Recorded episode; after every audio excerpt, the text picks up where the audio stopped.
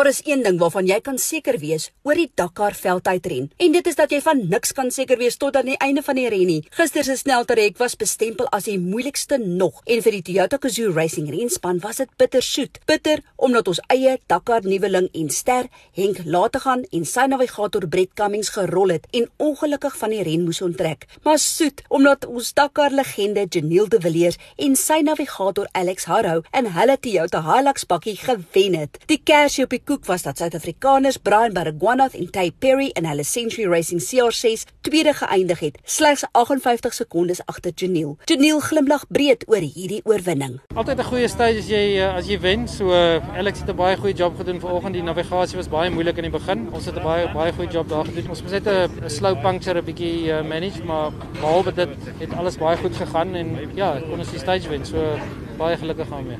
Glenn Hall, spanbaas van die Toyota Gazoo Racing renspan, sê gister was soos 'n tuimeltrein. Yeah, well, for the team it was a up and down really, you know, the highs and lows with Janelle winning the stage great, NASA fourth just behind Stefan, but unfortunately Henk and Brett's race came to an end today at 19 kilometers in. There was a double caution and they, they were just 2 meters off, going a little bit faster than they should be and uh, they fell down a, an embankment or an erosion as Brett said rolled, and I don't think that was the problem. The car wasn't badly damaged. and In fact, the crew recovered it later. But it looks like Hank dislocated his shoulder, was in a lot of pain. I've had one myself. I know exactly what it's like. And uh, if that hadn't dislocated or it gone back in, I think they would have just put a new lower wishbone on, changed the tyre, and come to the end. So it was a little bit of a fairy tale for the past two days for the team, for Henk, for South Africa indeed. But this is Dakar. It's tough, the best drives in the world. But without question, Henk and Brett have proved that they can mix it with the very best. Looks like Shamir finished 30th. The navigation was tough. It was probably the toughest stage of the race so far. It was chaos in some areas with a lot of cars going around. So it was a big mess in places out there. So they've done well to finish today.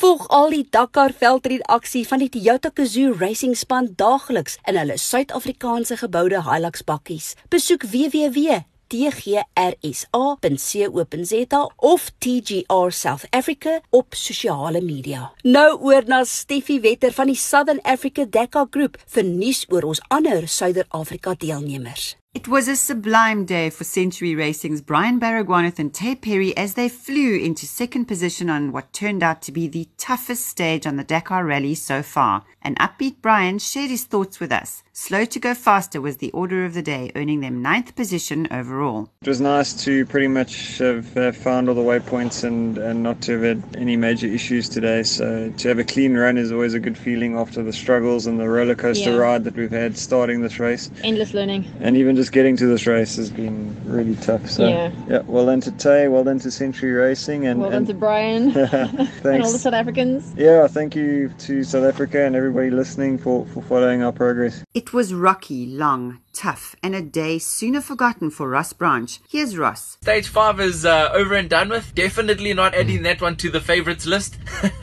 uh, really rocky and really, really long. It was a really tough stage, and uh, we got so lost in the morning, a whole bunch of us. But uh, I guess that's the Dakar, and if it was easy, everyone would do it. So still having fun, still having a good time. Uh, bodies in one piece, not too bad with the overall results. So really happy 448 kilometers of pure sand awaits our teams tomorrow as they make their way towards Hale. Ek is Janet van Wiele twee wiele And I'm Steffi from the Southern Africa Dakar Group. vir Dakar 2021. Tot môre. Hou jou wiele aan die rol.